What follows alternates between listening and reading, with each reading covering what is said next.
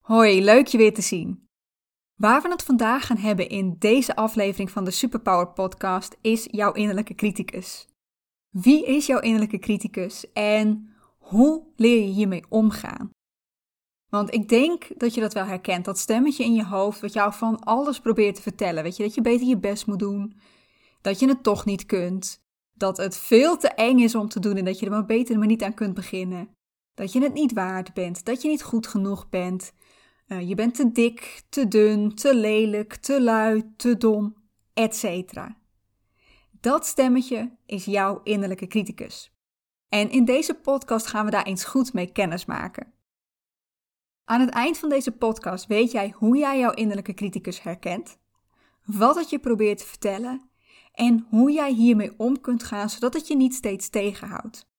En dat is misschien wel een hele andere manier uh, dan je nu verwacht. Dus weet je, als jij dat stemmetje ook herkent en je wilt je daar niet meer door tegen laten houden, blijf dan zeker luisteren. Welkom bij de Superpower Podcast. De podcast over helemaal jezelf zijn en jouw mooiste leven creëren. Mijn naam is Anneke Procé.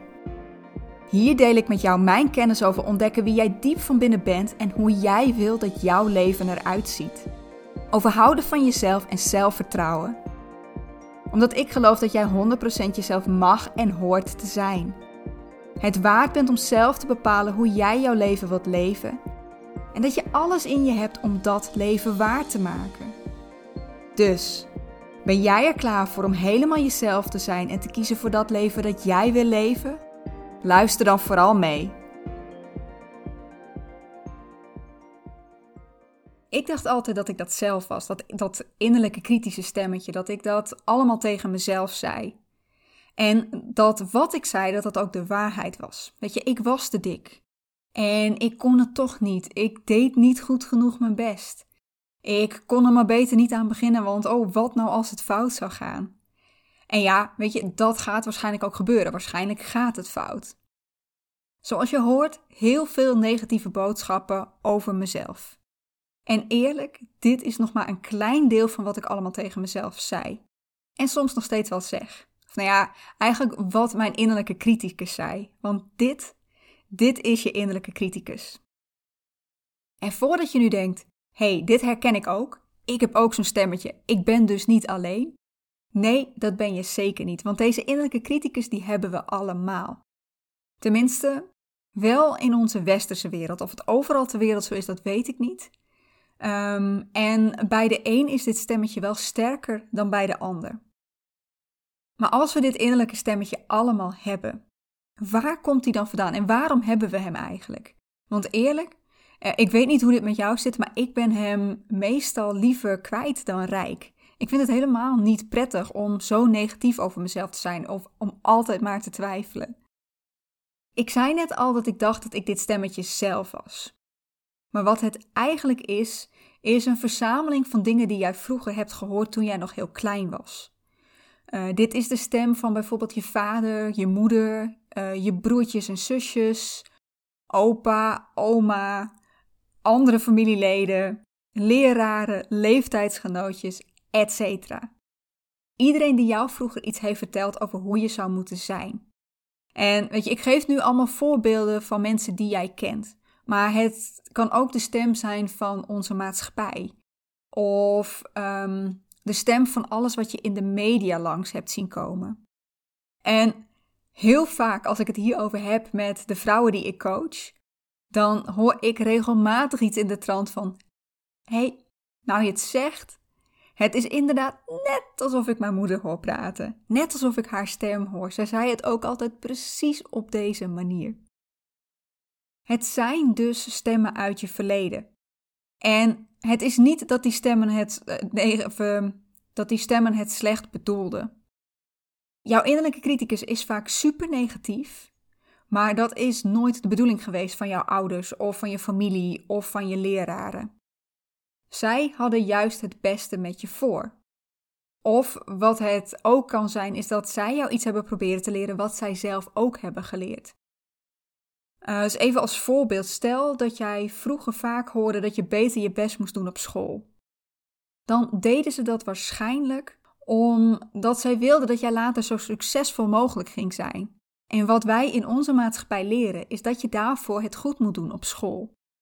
En waarschijnlijk hebben jouw ouders dit ook in hun kindertijd gehoord. Hebben zij dit van hun ouders overgenomen? Was dit hun eigen innerlijke kritische stem? Want jij bent waarschijnlijk niet de eerste in jouw familie die dit innerlijke stemmetje hoort. Vaak wordt deze generatie op generatie doorgegeven. En wat ook nog kan, is dat jouw innerlijke criticus helemaal niet precies herhaalt wat het heeft gehoord, maar dat het herhaalt hoe hij het heeft geïnterpreteerd, wat hij erin dacht te horen. Bijvoorbeeld weer uh, dat je beter je best moest doen. Kan zijn dat je helemaal niet slecht was op school, maar dat dat bedoeld was als aanmoediging om je goed voor te bereiden op de toekomst. Maar het kan heel goed zijn dat jij daarbij dacht: Oh, ik hoor dat ik beter mijn best moet doen op school. Dat betekent dus dat ik het nu nog niet goed genoeg doe. Misschien ben ik wel dom. En nu vertelt jouw innerlijke criticus jou dat jij dom bent. Het nadeel dat jij dit hebt gehoord toen je nog heel klein was, is dat jij op dat moment nog te jong was om kritisch te kijken naar wat je werd verteld. Jij bent gewoon gaan geloven wat je op dat moment werd verteld, omdat jij daar nog niet, nog, nog niet aan, dat nog niet in twijfel kon trekken. En als dat zaadje eenmaal geplant is, dan ga je het ook steeds weer terugzien. Je wordt daar steeds weer in bevestigd. En daardoor is dat geloof dat wat jij vroeger hoorde, dat dat de waarheid is, dat is ook steeds sterker geworden. Ondertussen hebben we het nu eigenlijk over belemmerende overtuigingen. Maar dat is ook eigenlijk wat jouw innerlijke criticus doet. Steeds weer jouw belemmerende overtuigingen herhalen. Het lijkt nu alsof we ons helemaal niet helpen met dat stemmetje, dat hij ons echt alleen maar in de weg zit. Maar ik geloof dat alles wat we doen, dat we dat doen omdat het ons iets oplevert. En dat is dus ook zo bij jouw innerlijke criticus. Jouw brein is hier namelijk heel blij mee omdat het twee dingen doet. 1. Energie besparen. En 2. Jou veilig houden. Die energiebesparing, dat zit er in dat jij deze gedachte automatisch hebt. Het is niet iets waar je moeite voor hoeft te doen en daardoor kost het je minder energie. Jij hebt elke dag, geloof ik, ongeveer 80.000 gedachten. En daarvan is 95% automatisch. En ja, ik weet niet hoe het met jou zit, maar stel je eens voor dat je al die 80.000 gedachten, dat je die heel bewust zou hebben, dat je er heel bewust over nadacht. Ik word letterlijk al moe als ik daaraan denk. Dus ik snap wel dat jouw brein denkt: hé, hey, hoe meer we automatisch doen, hoe minder energie dat kost. Maar jouw brein doet het niet alleen omdat dat besparend werkt, want dan hadden het ook allemaal positieve gedachten kunnen zijn. Want of je nou automatisch negatieve gedachten hebt of automatisch positieve gedachten, weet je, qua energie maakt dat niks uit. Maar deze negatieve gedachten die beschermen jou ook. Die innerlijke criticus die heeft het het beste met je voor. Net zoals al die mensen vroeger die dit tegen jou zeiden. Dat stemmetje is namelijk bang.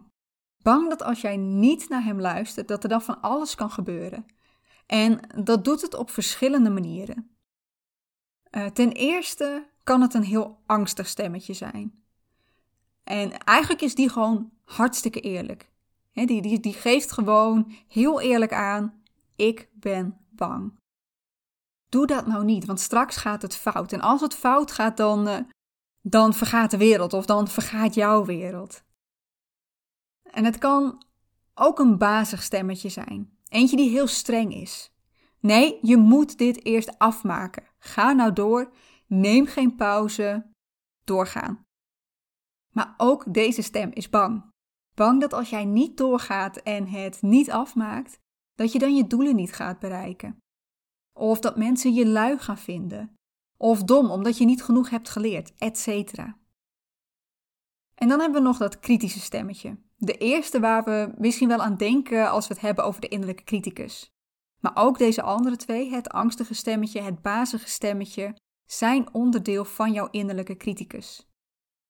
Dat kritische stemmetje heeft vaak vooral kritiek achteraf, omdat je niet het goede hebt gezegd of gedaan, of omdat je beter je best had moeten doen, of omdat je te dik, te lui of te dom bent en dat komt natuurlijk doordat je in je verleden niet genoeg je best hebt gedaan. En ook deze is weer bang. Bang voor wat anderen van je gaan vinden, bijvoorbeeld. Waarschijnlijk herken je ze allemaal wel een beetje, maar grote kans dat de ene bij jou sterker aanwezig is dan de ander. Dus welke herken jij meer? Dat stemmetje wat jou bang probeert te maken, zodat jij niet iets nieuws gaat proberen? Uh, of dat stemmetje dat je steeds maar blijft pushen om door te gaan of om je aan te passen? Want dat stemmetje dat vindt dat je altijd overal ja op moet zeggen, is eigenlijk ook jouw innerlijke criticus. Dat is dat bazige stemmetje.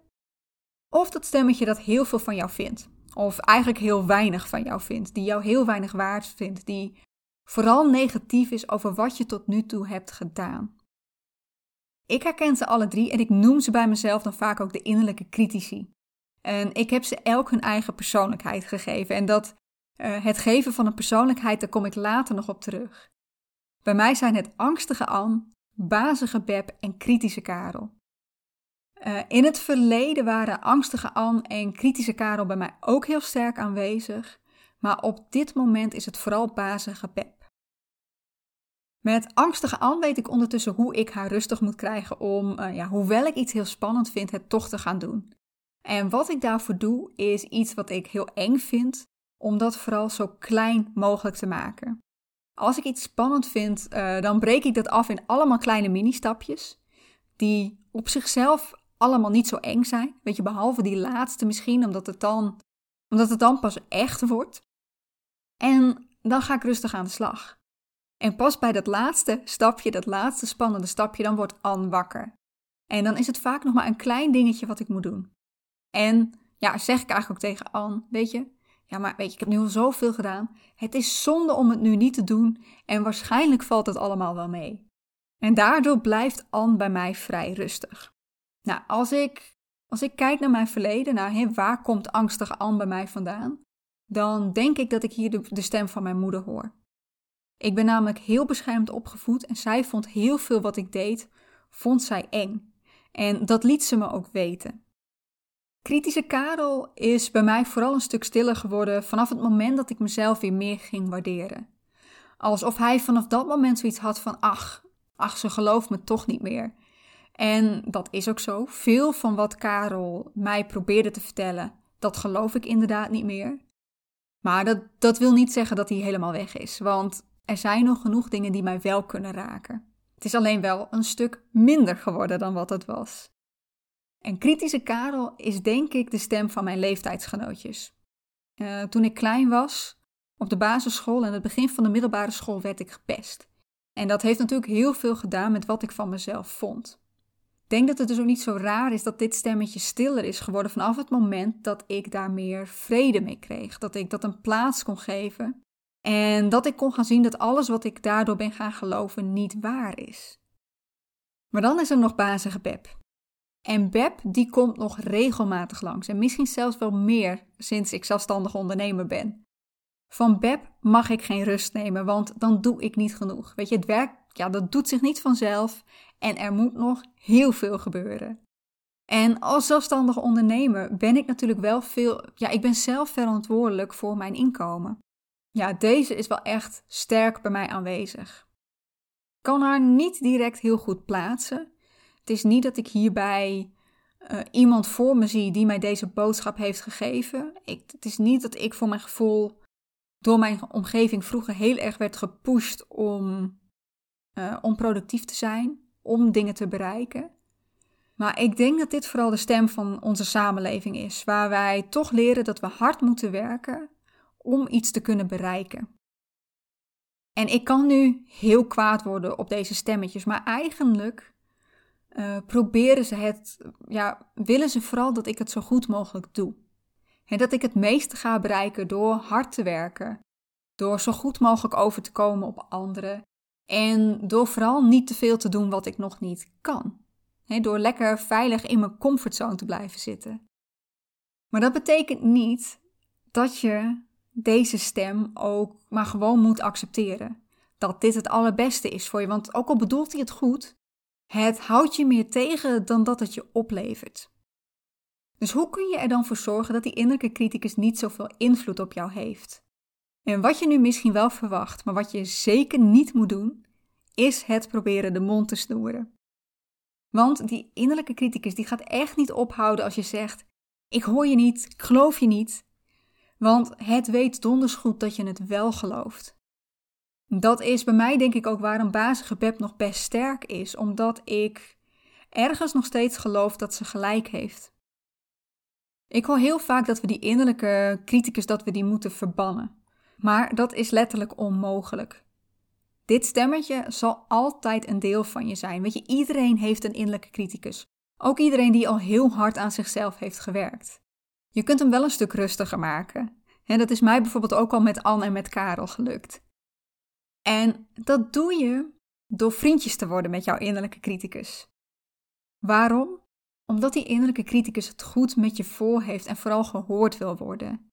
Het heeft wel echt een boodschap voor je. En dat klinkt misschien helemaal niet gemakkelijk, want hoe word je vriendjes met iemand die je heel vervelend vindt? Vroeger deed je dat ook niet. Je werd ook geen vriendjes met de vervelende kinderen in je klas. En als jouw innerlijke criticus een echt persoon zou zijn, dan zou ik je waarschijnlijk ook helemaal niet aanraden om met hem of haar om te blijven gaan. Maar aangezien jullie onafscheidelijk zijn, kun je maar beter vrienden worden. Het eerste wat je daarvoor mag doen is je beseffen dat jij niet deze stem bent. Ja, het is een deel van jou, maar het is geen natuurlijk deel van jou. Het is een deel wat jij jezelf hebt aangeleerd. En het helpt om meer afstand tussen jou en deze innerlijke criticus te scheppen. Om hem of haar een beetje, beetje buiten jezelf te zetten. En met je echte vrienden of met je partner heb je ook tot op zekere hoogte nog steeds wel een afstand. Misschien wonen jullie wel heel dicht bij elkaar. Misschien wonen jullie zelfs wel in hetzelfde huis.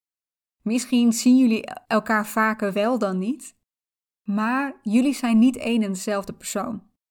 En ook voor jouw innerlijke criticus geldt: het is een deel van jouw leven, maar jij bent het niet. Om die afstand te krijgen, mag je je innerlijke criticus een naam geven. Ja, of meerdere namen als je er net als ik meerdere ziet. Daarom heten die van mij Anne, Beb en Karel.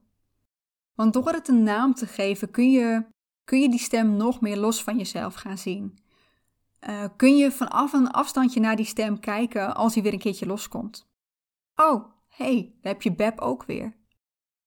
Pak daarom de naam die nu of als eerste bij je opkomt, of als je er wat langer over na wilt denken, um, de naam van de persoon aan wie jouw innerlijke criticus je doet denken.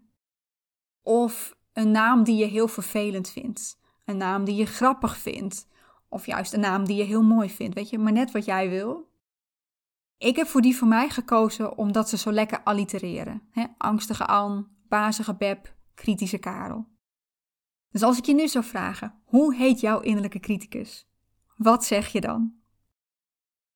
Als je dan je innerlijke criticus een identiteit hebt gegeven, dan mag je gaan beseffen dat jouw innerlijke criticus heel subjectief is. Net als de echte mensen die je in je leven tegenkomt. Net zoals alle mensen die ervoor hebben gezorgd dat jouw innerlijke criticus dit nu tegen jou zegt. Zij weten ook niet wat de waarheid is. Zij zeggen ook dingen vanuit wat zij denken dat de waarheid is. Want jij hebt vast ook wel eens zo'n momentje dat je iemand tegenkomt die iets doet of iets zegt waarvan je denkt: My God, hoe kom je daarbij? En dat is ook zo met al die mensen uit jouw verleden die jou van alles hebben verteld wat je nu gelooft. Alleen toen je zo klein was, kon je dat nog niet. Stond je er nog niet bij stil dat wat zij zeiden, dat dat wel eens niet waar kon zijn. Je stelde jezelf niet de vraag: hoe kom je daar nou bij? En dat is ook wat geldt voor jouw innerlijke criticus, die eigenlijk gewoon herhaalt wat hem of haar is geleerd, waarvan je vroeger dacht dat dat klopte. En waarvan je nu misschien ook nog steeds wel gelooft dat dat de waarheid is, maar wat dat niet is. Het is allemaal de mening van iets of iemand die dit vroeger tegen jou heeft gezegd. En als jij in het verleden andere dingen had gehoord, dan zou jouw innerlijke criticus nu ook hele andere dingen zeggen. Nou, als we dan nu weten dat die innerlijke criticus maar een deel van jou is, dat het zijn eigen identiteit heeft en dat hij niet bepaald de waarheid spreekt, dan is het nu tijd dat we ook echt vriendjes gaan worden met deze innerlijke criticus. En dat doe je door echt naar hem of haar te gaan luisteren. Je hoeft niet te doen wat het zegt, want daar willen we juist van af. Maar jouw innerlijke criticus heeft wel echt een boodschap voor je. Een goed bedoelde boodschap. Het wil gehoord worden. En als je dat gaat negeren, dan gaat het alleen maar harder roepen, alleen maar harder pushen. Wat je dus juist even moet doen, is tot stilstand komen. Echt even stilstaan bij wat het jou nou probeert te vertellen. Waar is het bang voor? Waar probeert het je voor te beschermen? Want als je dat weet, dan kun je erachter komen wat jij kan gaan doen om die innerlijke criticus van jou minder bang te maken. Jouw innerlijke criticus vertelt jou waarschijnlijk andere dingen dan mijn innerlijke criticus mij vertelt.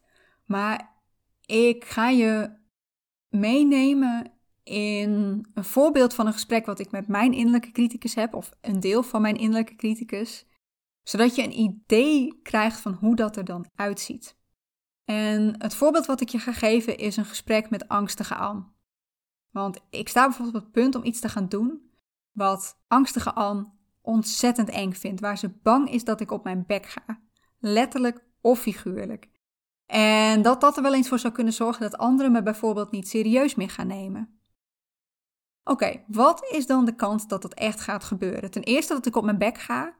En ten tweede dat dat mijn kop gaat kosten. Die kans is super klein. Uh, want zelfs als het dan niet in één keer goed gaat, dat kan natuurlijk, dan is het niet alsof iedereen dan meteen denkt, nou, die kan ook echt helemaal niks. Dus, lieve Anne, dank je dat je me probeert te beschermen. Maar weet je, zo groot is dat risico niet. En als het een keertje fout gaat, dan is dat een goede les voor hoe ik het de volgende keer beter kan gaan doen. Ik snap het, ik snap dat je dit eng vindt, maar ik ga het toch doen en dan ga jij ook zien dat het allemaal best wel meevalt. Nou, zo heb ik natuurlijk ook gesprekken met bazige Pep, dat het juist goed voor me gaat zijn om ook wat rust te nemen.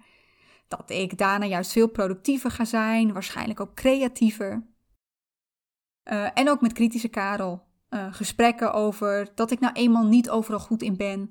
Dat ik niet aan een bepaald schoonheidsideaal hoef te voldoen. Om dat mensen echt niet slecht over me gaan denken omdat ik niet super slank ben of als ik een keer een foutje maak. Dit klinkt misschien heel raar om te doen, maar mij heeft dit echt geholpen. Omdat juist ja, deze bijna echte gesprekjes nog meer die afstand creëren. En nog meer voor zorgen dat ik mijn innerlijke criticus niet als mezelf zie. En met dit soort gesprekjes voelt jouw innerlijke criticus zich ook echt gehoord. Want je negeert hem of haar niet. Je neemt hem of haar serieus. Zonder dat je helemaal meegaat in wat het jou zegt. Gaat dit dan in één keer goed? Nee. Nee, zo'n band opbouwen dat kost wel echt tijd. Ten eerste denk ik omdat je door een stukje weerstand heen moet bijten om dit ook echt te gaan doen. Want zoals ik al zei, dit kan heel vreemd lijken om te doen. Hoe raar dit ook klinkt, geef het een kans. Niemand hoeft te weten dat je dit doet. En wie weet wat dit je op gaat leveren, hoe goed dit voor jou gaat werken. Maar wat er ook gaat gebeuren, weet je, als je wel door die weerstand heen bent en je gaat wel deze gesprekken voeren, of in ieder geval je gaat deze gesprekken willen voeren, is het eerste wat er gaat gebeuren, is dat je je innerlijke criticus nog niet altijd even goed herkent. Dat je het nog niet doorhebt als hij of zij weer voor de deur staat. Dat, het, dat je het pas achteraf, als het al alles in je oor heeft lopen tetteren, dat je je dan bedenkt: oh, daar was hij weer. Wat er dan kan gebeuren is dat je boos gaat worden op jezelf omdat je het niet op tijd doorhad. Dat je je weer tegen hebt laten houden uh, door dat stemmetje wat jou probeert te beschermen. Maar wat je dan eigenlijk doet door boos op jezelf te worden, is een ander deel van jouw innerlijke criticus uh, toelaten, die weer tegen jou zegt dat je het niet goed genoeg doet. Weet je, in mijn geval zou dat kritische Karel zijn die dan langskomt. Accepteer dat dit een leerproces is. Je bent nog aan het leren en dat gaat niet in één keer goed. Maar hoe vaker je dit doet, hoe beter jij hierin gaat worden. Je doet je best. Wat er daarna gebeurt, als je wat vaker um, je innerlijke criticus gaat herkennen op het moment dat hij of zij er ook daadwerkelijk is, is dat de gesprekken nog niet echt vredig gaan verlopen. Jouw innerlijke criticus gelooft namelijk echt dat hij of zij gelijk heeft. En dat het zijn allerbest moet doen om jou te beschermen. En zolang jij dat ook nog zelf deels doet, dat jij dat nog eigenlijk gelooft wat deze innerlijke criticus zegt, en jij jezelf vooral zo hard mogelijk probeert te overtuigen dat het niet zo is, dat jouw innerlijke criticus geen gelijk heeft, dan draait het eerder uit op een soort van ruzie. Uh, of dat je toch heel hard er tegenin probeert te gaan door te zeggen: Ik geloof je niet. Je gaat jezelf en die innerlijke criticus ook echt moeten laten zien dat het geen gelijk heeft. Aan jezelf, zodat je ook echt gaat geloven dat jouw innerlijke criticus geen gelijk heeft. En aan je innerlijke criticus om het ook echt te laten zien dat het op een andere manier kan. Dus ja, ga doen wat jij spannend vindt, zodat je jezelf en je innerlijke criticus laat zien dat er helemaal niet zoveel fout kan gaan. Of dat het helemaal niet erg is als er een keer iets fout gaat.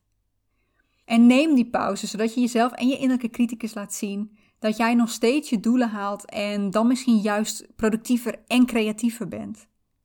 En laat jezelf en je innerlijke criticus zien dat de hele wereld niet meteen tegen je is als je je een keertje niet aanpast of als het een keertje fout gaat. Op die manier sta jij sterker in je schoenen als jij en je innerlijke criticus een discussie hebben. En gaat jouw innerlijke criticus zien dat het inderdaad niet zo bang hoeft te zijn. En dat het jou best kan vertrouwen als jij een keertje zegt: Ik luister niet naar je. Jullie band wordt dan steeds sterker en dan word je ook echt vrienden van elkaar dan wordt jouw innerlijke criticus meer een goede raadgever dan iets wat jou heel erg tegenhoudt. Daarmee ben ik aan het einde van deze podcast. Ik hoop dat je hiermee beter bent gaan begrijpen wie jouw innerlijke criticus is en wat zijn of haar rol is in jouw leven. Dat je er vriendelijker naar kunt kijken, omdat het eigenlijk gewoon vooral ook een hele goede raadgever is in plaats van die enorme pestkop. Dat jullie ook echt een betere band met elkaar op gaan bouwen. Als je iets over deze podcast wilt delen, of als je denkt dat deze podcast ook nuttig is voor anderen, deel dan een screenshot van deze podcast op Instagram. Tag mij daar ook even in, want dat vind ik hartstikke leuk. Dan kan ik daar ook op reageren. En als je dat doet, jij vindt me op Instagram als anneke.proce. Kan natuurlijk ook zijn dat je na deze podcast nog vragen hebt. Stuur me dan ook even een persoonlijk bericht op Instagram. Ik help je met alle liefde verder. Ga ik voor nu weer afscheid van je nemen? Dank je wel voor je tijd en je aandacht voor deze aflevering van de Superpower Podcast. Natuurlijk hoop ik je de volgende keer weer te zien. Wens ik jou nog een hele fijne ochtend, middag of avond, misschien wel nacht, want ik heb geen idee hoe laat het op dit moment bij jou is. En tot de volgende keer.